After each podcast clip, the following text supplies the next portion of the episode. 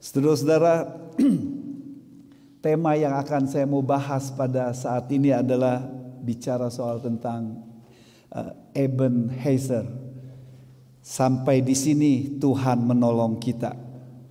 Satu ungkapan bahasa Ibrani, Eben artinya batu, Hezer itu artinya pertolongan dari kata azar.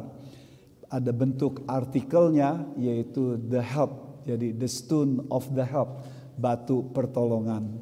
Saya akan bahas dan bagaimana itu diterapkan dalam kehidupan kita uh, pada saat ini.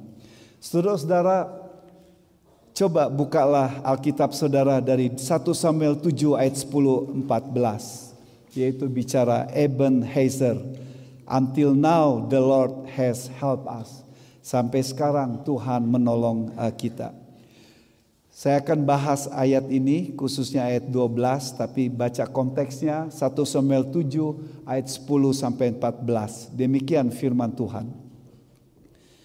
Sedang Samuel mempersembahkan korban bakaran itu, majulah orang Filistin berperang melawan orang Israel. Tetapi pada hari itu Tuhan mengguntur dengan bunyi yang hebat ke atas orang Filistin dan mengacaukan mereka sehingga mereka terpukul kalah oleh orang Israel. Keluarlah orang-orang Israel dari Mispah mengejar orang Filistin itu dan memukul mereka kalah sampai hilir Berkat. Kemudian Samuel mengambil sebuah batu dan mendirikan antara Mispah dan Hesana. Ia menamainya Eben Heiser. Katanya, sampai di sini Tuhan menolong kita. Demikianlah orang Filistin itu ditundukkan dan tidak lagi memasuki daerah Israel. Tangan Tuhan melawan orang Filistin seumur hidup Samuel. Dan kota-kota yang diambil orang Filistin daripada Israel kembali kepada Israel mulai dari Ekron sampai Gad. Dan orang Israel merebut daerah sekitarnya dari tangan orang Filistin antara orang Israel dan orang Amori ada damai. Saudara-saudara, Eben Heiser satu ungkapan untuk menunjukkan batu pertolongan di mana Samuel memberikan tempat nama itu Eben Heiser. Dalam Alkitab dan juga dalam kehidupan kita kadang-kadang ketika kita ditolong oleh Tuhan kita memberi uh, satu ingatan bagi kita. Saya tidak tahu ingatan saudara seperti apa ketika waktu ditolong, mungkin ada sesuatu yang saudara pegang untuk mengingat bahwa Tuhan sudah menolong saudara pada waktu itu. Dan bagi saya ketika saya membuka baju dan dada saya dioperasi dan saya ingat bahwa saya tahun 2011 25 Desember setiap ingat uh, saya sudah dibedah tubuh saya, dada saya dibedah untuk mengingatkan kebaikan Tuhan bahwa saya sudah pernah tiga hari tidak siuman, tapi Tuhan menolong saya. Jadi setiap kali mengingat bekas jahitan daripada operasi itu mengingatkan kebaikan Tuhan dalam kehidupan saya. Mungkin di rumah saudara ada batu, Mungkin di rumah saudara juga ada baju atau ada sesuatu yang saudara ingat untuk menunjukkan kebaikan Tuhan. Di perjanjian lama ketika seseorang ditolong oleh Tuhan, hal yang biasa untuk mengingatkan pertolongan tersebut dan bahkan memberi nama tempat tersebut. Yakub ketika keluar dari keluarganya melarikan diri karena dia sudah membohong uh, kakaknya Esau dalam pelarian diri di tengah jalan lalu kemudian Tuhan menampakkan diri kepadanya lalu kemudian dia melihat seperti malaikat yang dari surga dari langit turun mendatangi dia. Lalu kemudian dia memberikan tempat nama tersebut nama Betel yaitu rumah Allah. Lalu kemudian untuk mengingatkan tempat tersebut dia memberikan uh, mengambil satu tempat uh, satu uh, benda yaitu batu. Lalu batu itu diberikan di situ nanti akhirnya ketika dia kembali lagi dia ingat Tuhan menginginkan dia kembali ke tempat itu lagi. Lalu kemudian nama itu disebut Betel atau kota Betel yaitu rumah Allah. Biasa dalam perjanjian lama seperti itu.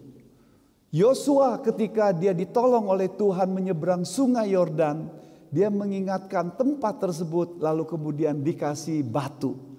Batu ingatan untuk mengingat bahwa Tuhan sudah menolong orang Israel menyeberang sungai Yordan. Jadi hal yang biasa seperti itu. Nah dalam konteks kita saudara-saudara, konteksnya adalah Samuel mengingatkan orang Israel bahwa mereka yang menolong mereka adalah Tuhan, lalu dikasih sebagai peringatan untuk ingatan bagi orang Israel mengambil satu batu, lalu kemudian menamakan tempat tersebut disebut the stone of the help atau batu pertolongan disingkat Eben Hazer. Eben artinya batu, Heser artinya pertolongan. Pertolongan pakai artikel dalam bahasa Ibraninya untuk menunjukkan pertolongan itu khusus, bukan tidak khusus. Batu the help, the stone of the help untuk menunjukkan bahwa pertolongan itu khusus dan yang memberi pertolongan itu juga khusus yaitu Allah Tuhan yang dalam bahasa Ibrani pakai istilah Yahweh. Saudara-saudara, lihat sebelum saya hubungkan dengan masa kita sekarang ini, mengkhotbahkan perjanjian lama kadang-kadang dihubungkan dengan Tuhan Yesus terlalu cepat sehingga salah satu kekurangannya adalah keindahan daripada cerita itu kita tidak mendapatkan. Keindahan cerita ini adalah seperti ini saudara-saudara. Mereka sudah puluhan tahun dijajah oleh bangsa lain. Hampir 20 tahun mereka tidak ada kemenangan. Mereka dikalahkan oleh bangsa yang ada di Kanaan. Mereka penuh dengan kekalahan. Terus menerus tidak bisa menang. Dan bait khususnya tabut Allah itu di tempat yang berbeda. Bukan di tempat yang seharusnya. Jadi saudara-saudara, bukanlah sesuatu yang enak bagi Samuel ketika dia menjadi pemimpin pada waktu itu. Masa lampau yang penuh kekalahan, masa lampau yang penuh dengan penjajahan, dan orang Israel di bawah suasana seperti itu, dan mereka penuh dengan rintihan dan kekalahan, dan bertanya, "Di mana Tuhan?" Ketika Samuel menjadi pemimpin, dia memulai dengan kata-kata yang penuh dengan hikmat dan juga dengan kuat kuasanya dalam berdoa. Dalam konteksnya adalah ketika mereka berkumpul di satu tempat, lalu kemudian or musuhnya mendengar tersebut, lalu mereka mengejar. Dan pada umumnya musuh itu dengan cepat akan menghancurkan mereka lalu kemudian menjajah mereka, membunuh banyak orang Israel. Tapi kali ini ketika mereka berkumpul, Samuel berdoa. Samuel berdoa sama Tuhan, Yahweh. Dan Alkitab berkata, Yahweh menjawab Samuel. Bagaimana cara menjawabnya firman Tuhan yang kita baca dikatakan ketika orang musuh-musuhnya itu pengen mengepung dan ingin membunuh mereka, Tuhan memberikan satu suara yang besar seperti halilintar, seperti guntur yang hebat di kalangan musuh mereka sehingga di kalangan musuh mereka terjadi kekacauan lalu kemudian orang Israel mengejar mereka lalu mengalahkan mereka. Selama 20 tahun lebih saudara-saudara ketika bait Allah itu eh, maksud saya tabut Allah itu tidak pada tempatnya dan mereka ada kekalahan terus-menerus. 20 tahun menengok ke belakang. yang seharusnya mereka hidup dalam kemenangan, tetapi mereka menyembah kepada berhala. Mereka tidak menyembah kepada Allah Yahweh, sehingga akhirnya mereka lupa dan diizinkan dalam Alkitab dikatakan mereka hidup dalam kekalahan. Dan Samuel bangkit, lalu kemudian dia berdoa kepada Allah Yahweh yang hidup, the Lord of God, yang sudah membawa mereka dari Israel, yang sudah menuntun mereka ke tanah Kanaan, yang sudah melepaskan mereka dari bangsa Mesir, yang sudah mengalahkan mereka bangsa-bangsa di Kanaan, yang sudah membawa mereka masuk uh, melewati sungai Yordan, mengeringkan sungai Yordan. Dan ketika mereka masuk, mereka hidup dalam kemenangan, tapi mereka lupa menyembah berhala dan 20 tahun dikatakan sebelum Samuel memimpin mereka hidup di ke dalam kekalahan. Dan pada saat Samuel ketika dalam kita baca Samuel pasal 7, Samuel berdoa dan terjadi kemenangan dan kekalahan-kekalahan terjadi pada bangsa yang ingin menghancurkan mereka. Dan untuk mengingatkan tersebut, Samuel mengambil batu lalu kemudian mengingatkan mereka Nama batu tersebut, eh, tempat tersebut dinamakan adalah batu pertolongan. The stone of the help atau stone of the help, batu pertolongan. Tempat tersebut dinamakan Eben Hezer.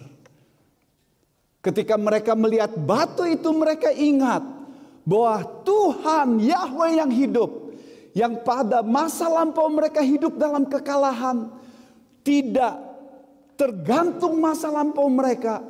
Tuhan bekerja, Tuhan campur tangan, dan Tuhan memberi kemenangan. Lalu kemudian Samuel berkata, "Ingat batu ini, batu ini pertanda ketika kita bersama semuanya ke tempat ini. Ini adalah tempat di mana ketika kita menengok ke belakang, apa pun sirkumstansi latar belakang mereka, situasi apa pun juga, Tuhan sanggup bekerja mengubah situasi itu menjadi bagus, menjadi satu kemenangan bagi mereka dan mereka menyebutnya tempat tersebut Eben Hezer. Dan ketika mereka menengok ke belakang seperti nats kita ayat 13 dan 14 menengok ke depan, masa depan mereka. Ebenezer menunjukkan bahwa Allah yang hidup menyertai mereka, memberi kemenangan terus-menerus ke depan selama mereka ikut sama Tuhan. Dan ketika mereka melihat sekarang, mereka tahu bahwa Tuhan yang sumber pertolongan itu menolong mereka jadi saudara-saudara istilah Ebenezer ini bagi orang Israel pada waktu itu sangat-sangat indah sekali. Ketika mereka selalu ingat dalam suasana mereka menghadapi peperangan yang nanti kemudian mereka ada Raja Saul, kemudian ada Raja Daud yang akan menggantikan Samuel. Alkitab berkata, Ebenezer mengingatkan mereka bahwa menengok ke belakang bahwa Tuhanlah yang sumber pertolongan mereka. Dan melihat masa akan datang, mereka tidak takut dan gentar bahwa Tuhan yang sumber pertolongan mereka akan menolong mereka di masa akan datang. Dan sekarang mereka antusias, semangat berbakti kepada Allah Yahweh yang hidup. Itu Ebenezer saudara-saudara. Membuat kekuatan pertolongan bagi mereka. Saudara-saudara, pertanyaannya, what is the implication Ebenezer bagi kita? Apa artinya Ebenezer bagi kita saat ini, saudara-saudara? Yang pertama, saudara-saudara, coba perhatikan. Saya ingin mengajak saudara memikirkan konsep ini baik-baik. Ebenezer, stone of the help, bahwa yang pertama sumber pertolongan dalam kehidupan kita adalah Tuhan kita. Sumber pertolongan kita adalah Tuhan. Sama seperti dulu dan sekarang, Tuhanlah sumber pertolongan kita. Saudara-saudara, pemeliharaan Tuhan dalam kehidupan kita menolong kita jadi semangat dan antusias. Hadirat Tuhan mengingatkan kita bahwa Dia selalu memelihara kehidupan kita. Tapi yang menarik saudara-saudara, biar saya hubungkan dengan Tuhan Yesus. Apa relevansinya dengan Tuhan kita Yesus Kristus? Biar saya jelaskan saudara-saudara bahwa yang menolong sumber pertolongan kita adalah Tuhan kita yaitu dalam Yesus Kristus. Apa observasi kita saudara-saudara? Perhatikan baik-baik. Istilah Tuhan yang dipakai adalah Yahweh. Yahweh lah yang menyelamatkan orang Israel. Yahweh lah yang memberikan kemenangan bagi orang Israel. Yahweh lah yang menolong memimpin mereka pada saat itu. Menengok ke belakang, Yahweh yang campur tangan. Yang menengok sekarang, Yahweh menjadi pusat perhatian mereka. Dan di masa akan datang. Saudara-saudara, Yahweh dalam perjanjian lama itu sama dengan Tuhan kita Yesus Kristus dalam perjanjian baru. Perjanjian baru menyatakan tidak ada ya istilah Yahweh dalam perjanjian baru Alkitab kita. Tapi istilah yang dipakai adalah Tuhan, the Lord. Biar saya jelaskan, kasih tiga alasan. Yang pertama, dalam LXX Septuaginta, yaitu Alkitab perjanjian, eh, bahasa perjanjian eh, lama, dalam bahasa Ibrani, dalam bahasa Yunani pakai istilah Yahweh itu istilah Tuhan. Istilah Tuhan. Jadi semua Yahweh dalam terjemahan bahasa Yunani bahasa dari uh, kitab perjanjian lama pakai istilah Tuhan. Perjanjian baru Yesus pakai istilah Tuhan. Filipi 2 ayat 11 misalnya ayat yang klasik. Roma 10 ayat 9 dan khususnya dalam kisah para rasul dikatakan Yesus adalah Tuhan. Semua istilah Tuhan dalam perjanjian baru pakai istilah the Lord, kurios. Dan istilah itu sama yang dipakai dalam perjanjian lama. Yang kedua, 1 Korintus 10 ayat 4 dan Yudas 1 ayat 5 berkata demikian bahwa Yesuslah yang membebaskan mereka dari Mesir. Perhatikan baik-baik saudara-saudara. Yudas 1 ayat 5 berkata, Yesus membebaskan mereka dari Mesir. Perjanjian lama berkata, Yahweh membebaskan mereka dari Mesir. Artinya bahwa ketika menengok ke belakang ke depan perjanjian baru melihat ke belakang bahwa Yahweh yang membebaskan orang Israel dari Mesir Alkitab berkata Yesuslah yang membebaskan mereka. Itulah sebabnya Yudas 1 ayat 5 berkata, Yesuslah yang membebaskan melenya, melenya, uh, membebaskan mereka dari Mesir. 1 Korintus 10 ayat 4 berkata, Yesuslah yang memimpin mereka dalam perjalanan menuju Kanaan. Jadi perjanjian baru menjelaskan dengan jelas apa yang dilakukan oleh Yahweh itu dilakukan oleh Yesus. LXX menerjemahkan Yesus Tuhan, 1 Korintus 10 ayat 4 dan Yudas 1 ayat 5 bahwa Yesuslah disamakan dengan Yahweh. Lalu kemudian konsep aku adalah aku dalam eh, dalam keluaran 3 ayat 14 yaitu istilah Yahweh itu disamakan dengan Yohanes. Yohanes berkata bahwa tidak ada seorang pun yang melihat Allah tetapi anak menyatakannya. Yohanes 1 ayat 18 dan Yohanes 1 ayat 14. Dengan kata lain, Yohanes, buku Yohanes bahwa Yesus ada sebelum Abraham ada, aku ada sebelum ada. Akulah roti hidup, aku dari surga dikatakan Yesus berkata. Akulah terang dunia, Akulah kebangkitan dan kehidupan.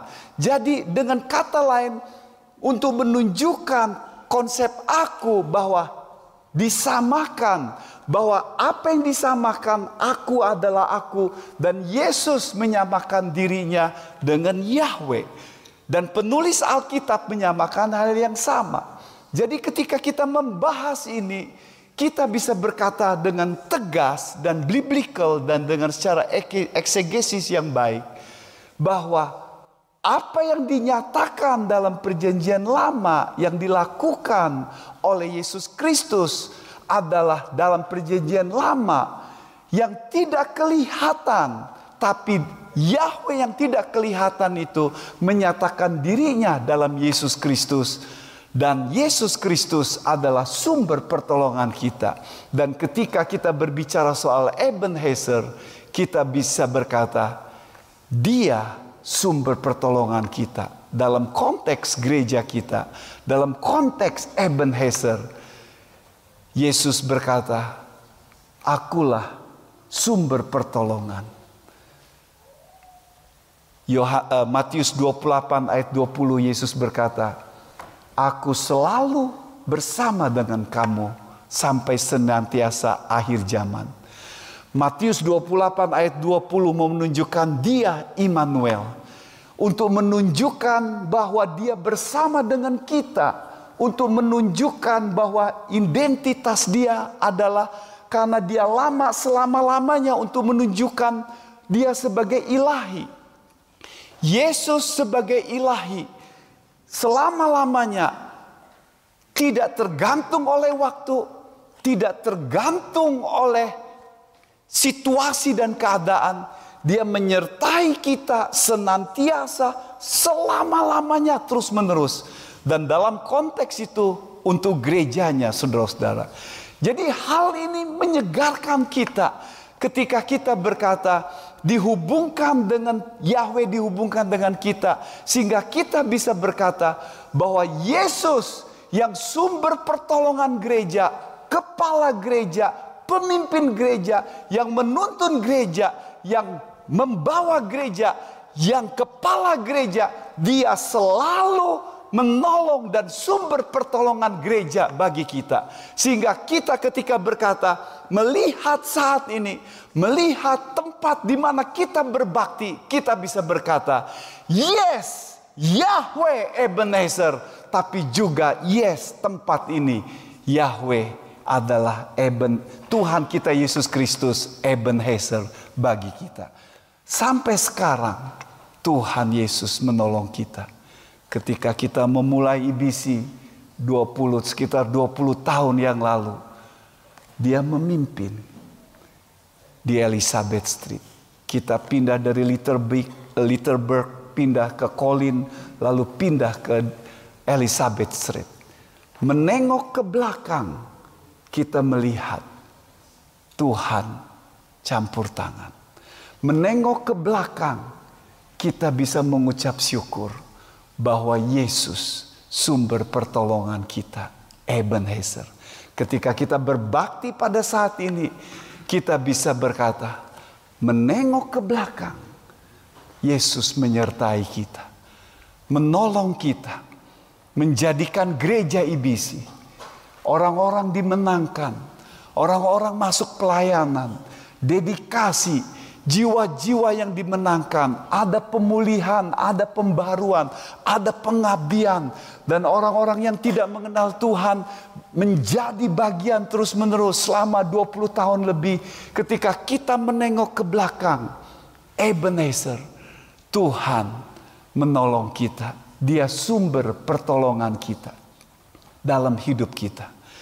Dia sumber pertolongan kita Bukan dengan kekuatan kita. Dia kekuatan kita. Satu-satunya.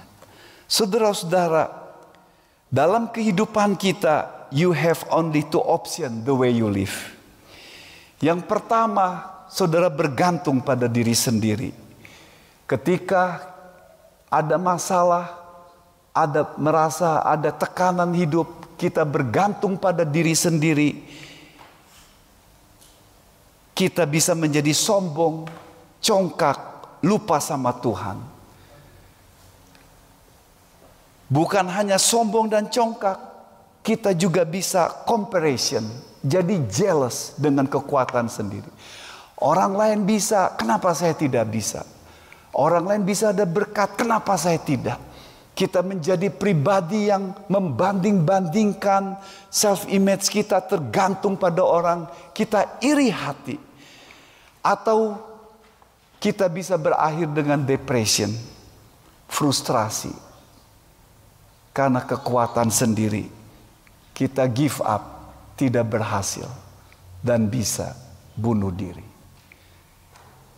Bergantung pada diri sendiri dengan kekuatan kita menghadapi masalah dan diri kita sebagai sumber pertolongan kita. Kita bisa jadi sombong, bisa jadi comparison, jadi jealous, atau kita jadi depresi, give up karena tidak ada jalan keluar bagi kita. Opsi yang lain adalah sumber pertolongan kita dari Tuhan. Dari Yahweh. Dari Sang penyerta kita. Yaitu Yesus Kristus. Ketika kita melihat tempat ini mengingatkan kita. Yesus yang kita sembah adalah Yesus yang hidup. Ebenezer. Sampai di sini Tuhan menolong kita. Bahwa dia sumber pertolongan kita. Membuat kita humble. Rendah hati Membuat kita bahwa bukan kekuatan kita, bukan kemampuan kita, dia sudah menolong kita. Bahwa semuanya itulah berkat dari Tuhan.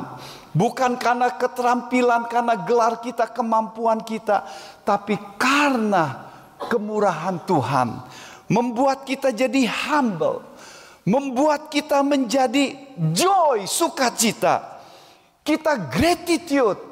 Apa yang Tuhan berikan bagi kita kita menjadi contentment, menjadi puas dengan apa yang Tuhan berikan.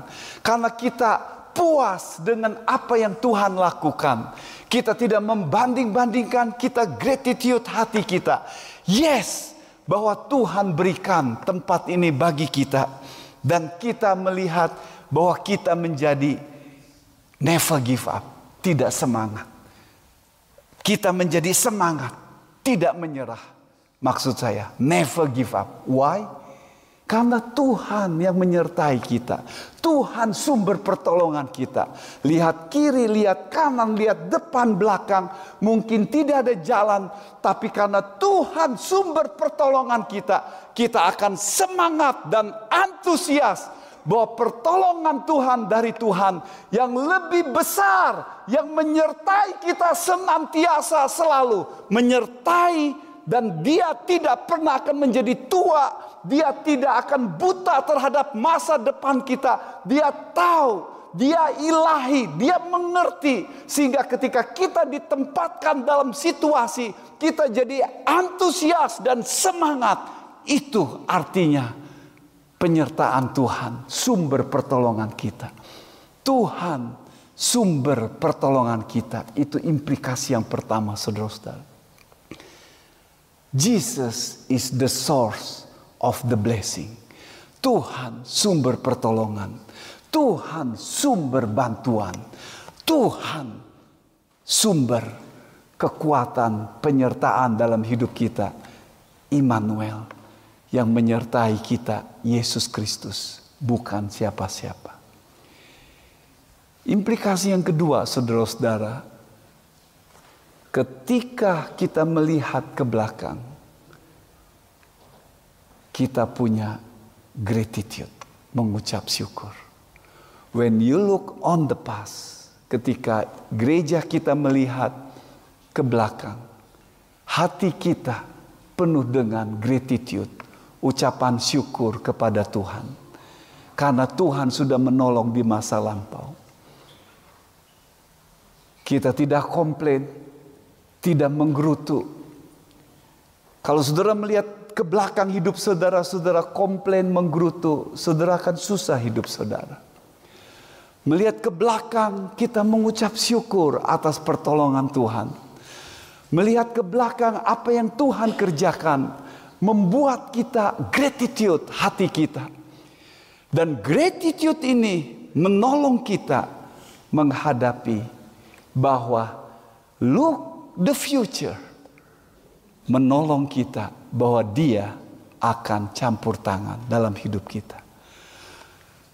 Ebenezer, Yesus sampai sekarang menolong kita. Melihat ke belakang kita mengucap syukur dan melihat ke depan kita antusias dan bisa tenang. Ada satu kekuatan. Kita tidak worry, kita tidak khawatir. Dan biar di tempat ini kita lihat ke depan dengan antusias. Kalau Emery 15 tahun dikasih tempat, biarlah kita di tempat ini juga sesudah itu ada tempat kita sendiri. Amin saudara-saudara. Kasih tepuk tangan untuk kemuliaan Tuhan kita. Ya.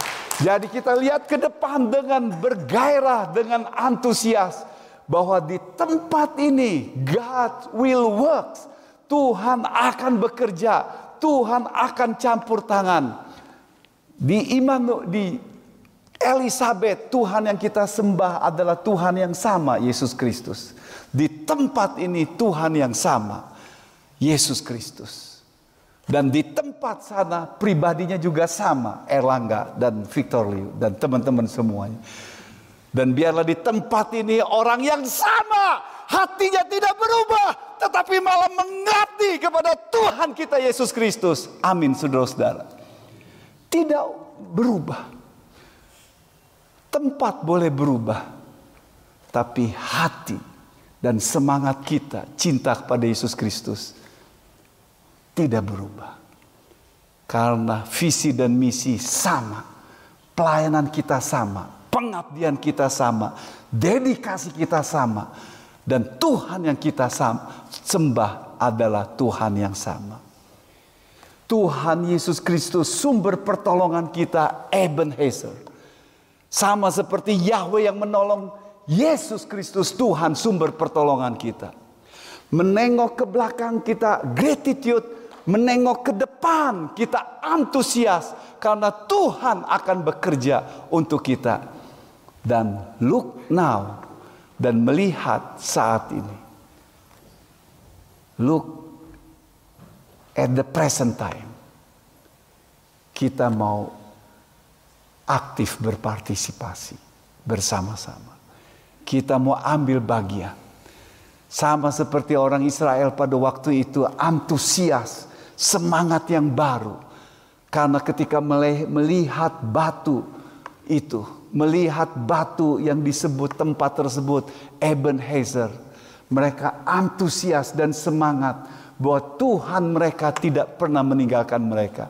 Dan biarlah ketika setiap kali kita melihat dan berbakti di tempat ini, hati kita menggebu-gebu dan antusias bahwa Yesus tidak pernah meninggalkan kita dan kita berpartisipasi aktif bersama-sama dan bertanya apa yang kita bisa lakukan bukan apa yang bisa gereja lakukan kita bertanya bersama-sama kita bergandeng tangan bersama-sama apa yang kita bisa lakukan untuk Tuhan kita ada banyak hal yang kita bisa lakukan.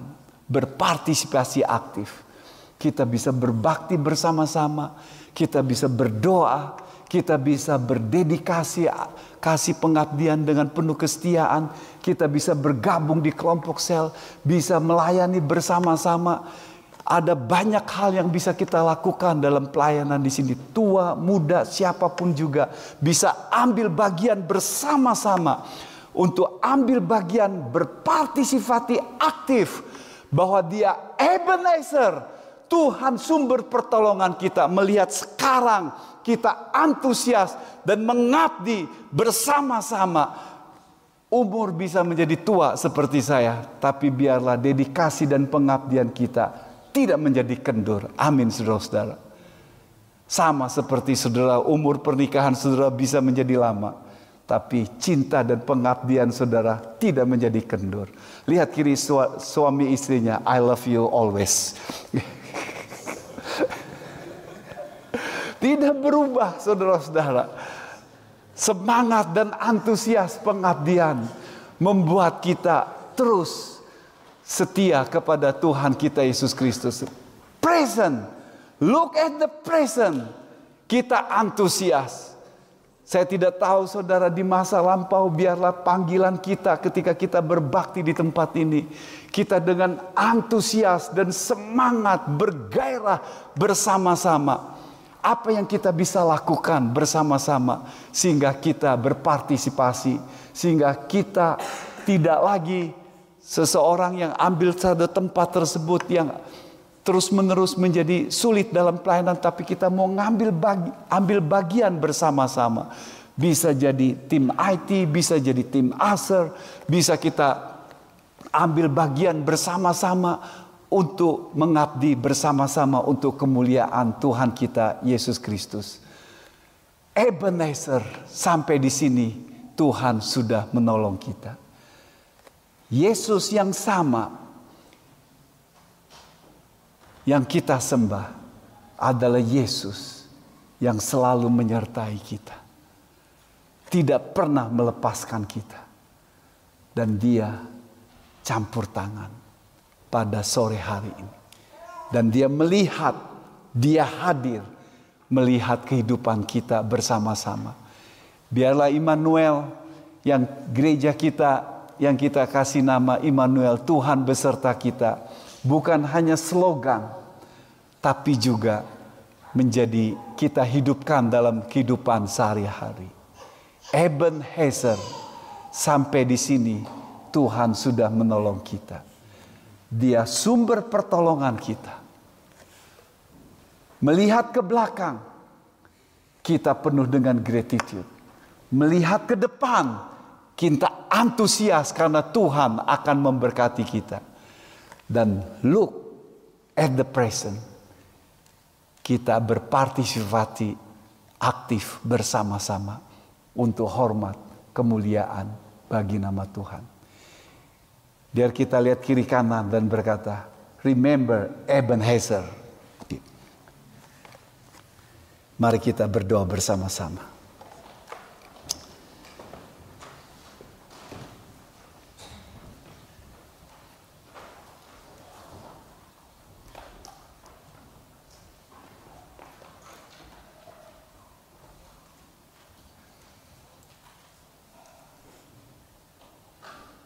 Biar kita duduk dengan tenang dan membiarkan Tuhan bekerja dalam kehidupan kita. Eben Ebenezer sampai sekarang Tuhan menolong kita. Sampai sekarang Tuhan Yesus kepala gereja yang menyertai, yang membimbing yang campur tangan, yang menopang, yang menyertai, yang menuntun, yang mengarahkan, yang memberkati IBC. Dia juga yang akan bekerja dalam kehidupan kita. Biar kita bersama-sama antusias ketika melihat tempat ini kita bisa berkata, Ebenezer, sampai sekarang Yesus Kristus kepala gereja kita sudah menolong kita. Dia sumber pertolongan kita. Dan biar setiap kita antusias dan bekerja, ambil bagian bersama-sama mengikuti arah pekerjaan Tuhan. Dan berkata, Tuhan, kami mau berpartisipasi bersama-sama di gerejamu ini. Bertumbuh, berakar, berbuah, dan mengabdi. Sehingga banyak jiwa-jiwa yang boleh terus dipulihkan di gerejamu di sini. Terima kasih Tuhan. Yesus is good all the time. Dia menyertai. Dan he's good selalu menyertai kita.